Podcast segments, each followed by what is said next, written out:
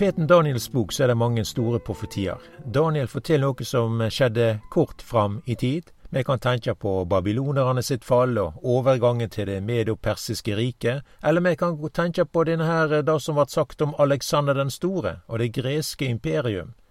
Men vi har òg dette her fra kapittel 9 i Daniels bok. Det gjelder disse 70 årsveker som er omtalt, og vi kan gjøre en liten stopp for det. Eh, alt dette har jo sammenheng med det som er skildra her om Daniel. Det er i begynnelsen på kapittelet, der er Daniel i bønn. Og han leser ifra profeten Jeremias boke, og det gjelder oppholdet i Babel, og det har da en lengde på 70 år. Og det skjer på grunn av at folket er ulydige mot Gud, og folket blir gjev i hendene på Nebukaneser. Og det som er Daniels store undring, det er om folket har tatt lærdom av dette. Og eh, i den anledningen så får vi vite da at her er det ikke bare nye 70 år, men det vil vært en lengde på 70 års veke. Og vi kan lese fra vers 23 i Daniels boke 9. Med det samme du begynte å bære fram de audmyke bønene dine, gikk det ut et ord og nå er eh, jeg kommet for å kunngjøre det for deg, for du er høgt elska. Så merk deg ordet og gjev akt på synet. 70 veker er gjeve til folket ditt og den heilage byen din, til å stenge inne fråfallet, til å forsegle synder og dekke over misgjerning, og til å føre fram ei evig rettferd, og stadfeste syn og profet, og til å salve en høgheilag heilagdom.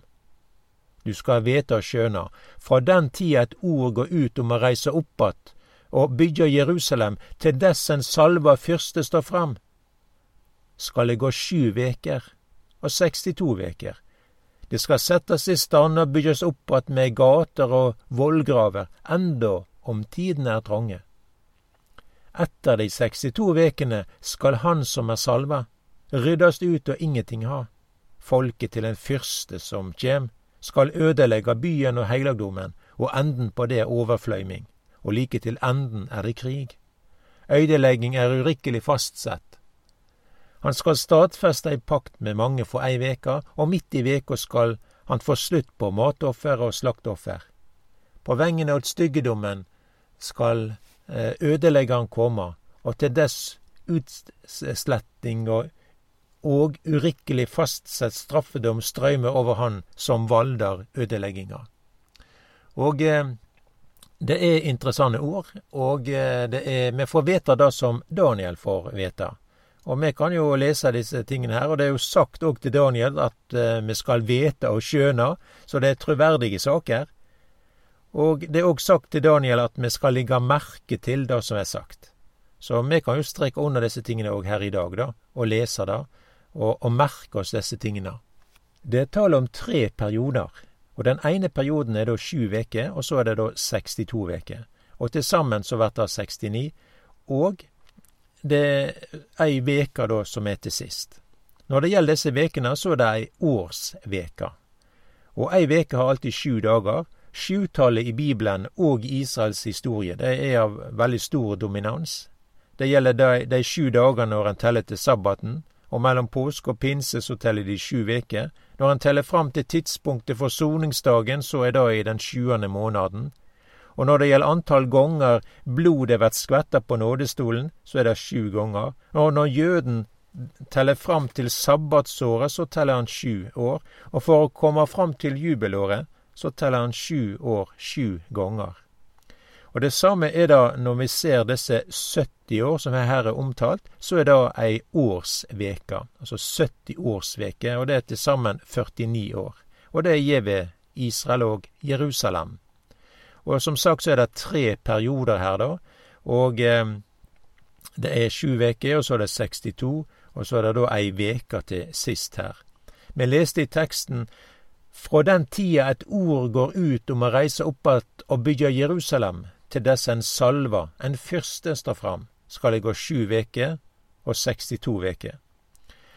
Jødene er jo i Babel, de er bortførte, og vi leser jo også i Salme 137 at eh, ved Babels elver så satt de og gret, da de kom Sion i hug. Og profeten Jeremias han forteller også da at oppholdet der i Babel skal ha en lengde på 70 år. og Israel og folket de veit dette her, så får de òg vite da at det går ut et bud om å atterreise Jerusalem. Eh, dette skjer da etter 70 år i Babel, og det er under det medo-persiske riket. Det er her det går ut et bud om å sette Jerusalem i stand, og vollgraver og murer og porter osv. Dette er et veldig rikt bibelmateriale, og vi kan lese i Nehemja-boka om det. Det står også i Esra. Vi kan òg lese i profeten Sakarias-boka om det samme. Det er da perserkongen Arter-Exerxes som setter heile i gang, og han var konge da ifra 465 til 423 før Kristus. Og det er Nehemja som får skrevet, og eh, han eh, får da byggetillatelse til å bygge Jerusalem. Og det gjelder da murer og porter og vollgraver og de ting som er nevnt. Og dette kan en lese da i Nehemja-boka i de to første kapitlene. Og dette er da i det tjuende året til kongen, og det er måneden Nisan. Vi kan sjølvsagt eh, nevne noen årstall her, men jeg tror det er viktig at vi ikke låser oss fast i alt eh, det som har med årstall og, og måter å regne på her. Eh, jødene har eksempel ikke dette her med skuddår. De har alltid 30 dager i en måned. Og det gjelder jo da over et helt år. Og så kan dette med tider og, og sånn, det, og, og dager, dette kan òg endres over lang tid. Så er det da i det tjuende året til perserkongen, og da er det 445 eh, året der, da, før Kristus.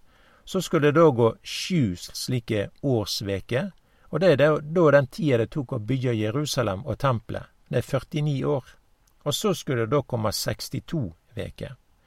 Så tar du da eh, Da får vi jo 483 år, og da kommer vi til år 38. Og som kjent så er også vår tidsrekning noe feil. Eh, her er det tall òg som kan variere. Men Jesus vart født, vel, sånn år eh, fem før vår tidsrekning. Vi kan i alle fall lese i Bibelen, og vi leser i Lukas 3 og vers 23 at Jesus han var ikring 30 år da han tok til med si gjerning. Og jeg tror ikke vi skal låse oss fast i noen sånn akkurat tider og år men den som har oversikten når det gjelder nøyaktigheten, så er det Herren sjøl.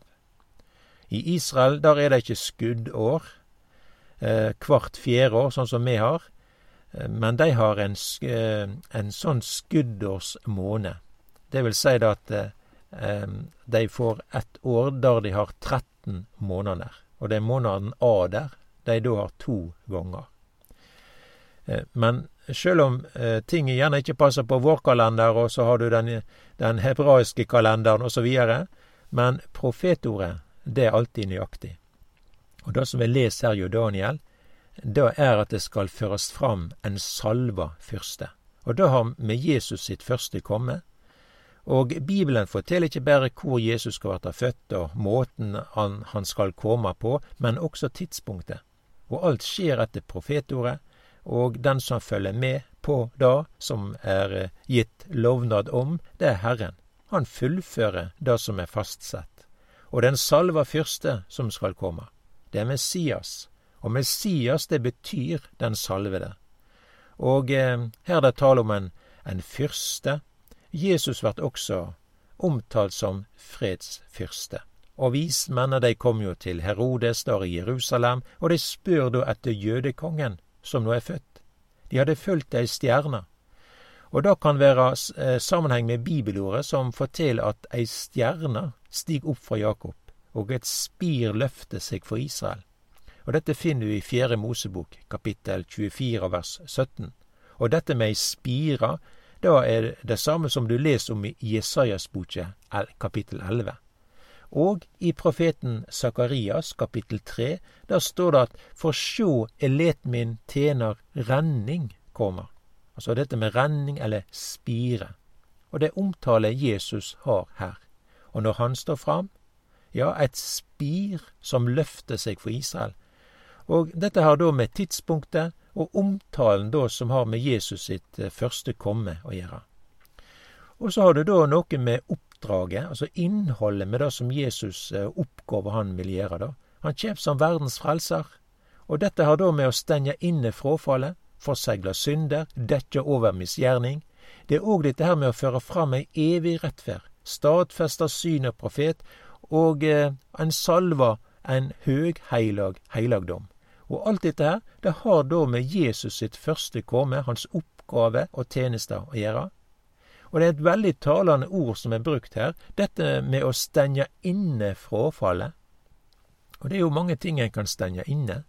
Og eh, det har vært som at eh, en seter bak lås og slå og lar det være der. Og sånn er det òg med Guds ord når det gjelder fråfallet.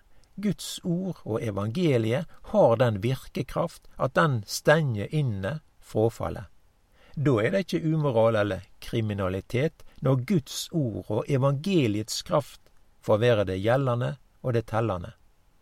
Trendene i dag er at en har gjort dette omvendt. En har gjort det på den måten at en stenger Guds ord inne, og slipper løs det som har med frafallet. Da får du vold og kriminalitet. Det med Jesus, det har med trygghet å gjøre. Det har med fortrulighet å gjøre. Det er noe som er godt, sant og, og rett i hele samfunnet. I skole, i heimen. Ja, for om og for hjerte og for sjel. Det er ikke lett å stenge inne frafallet, men Jesus kan. Og det andre ordet som er omtalt her, da, dette med å forsegle synder. Og dette med forseglinga er jo ikke noe som hvem som helst kan gjøre. Det må være noen som er myndige og er ansvarlige for å kunne gjøre det. Og dette her når det gjelder synd, så er det bare Gud som kan gjøre det, og det ble gjort med Jesus. Det er Guds frelse, og Gud har vist sin rettferdighet, og han kan si den rettferdig, som har trua på Jesus. Synda er låst inne, og den er forsegla av Gud sjøl. Og når det er forsegla, så betyr det noe som ikke kan endres på. Her er det noe som er gjort soning for, og det som er årsak til dom og død og straff, det er teken bort. Vi leser jo da at det er ingen fordøming for de som er i Kristus Jesus og ingen av de som tar sitt tilflukt til Han, blir dømt skyldig. Og det er ingen her som kan plukke dette her fram att på noen måte, for det er forsegla av Gud sjøl. Evangeliet, det er noe som står fast. Og så er det da omtalt dette med å dekke over misgjerning. Og det er synder som er misgjerning, og det er brukt her da, ordet her, med å dekke over. Og det som er brukt til å dekke over med, det er Jesu blod. Det er ei soning, og det står også i Salme 32 at sel er den som har fått sine brudd tilgjevne og si synd tildekt. Vel, den som er salva, den skulle ryddes bort og ingenting ha. Ja, det var ikke mye å dele på de saker og ting som Jesus hadde. Han hadde, hadde bare det som han gikk og, og, og sto i. Og de klærne hans, de delte de og kasta lodd om det på Golgata høgde. Og i fortsettelsen til det som Daniel får vite her, så er det at det skal komme en fyrste til folket. Mennesket ønsker ikke den salvede Messias. Det blir det samme ropet som på langfredag. Gi oss Barnabas. Og det samme ropet er òg i dag. Og Bibelen forteller at det vil komme en fyrste av folket. Og Bibelen kaller han òg for Antikrist, og det er apostelen Johannes som gir han dette navnet. Og det betyr at han er Guds motstander. Og da er det ingen som stenger inne frafallet, eller dekker over synder. Tvert imot så er det synder som er hans varemerke. Antikrist gir synder til sitt partiprogram. Det gjelder moral og de etiske lover.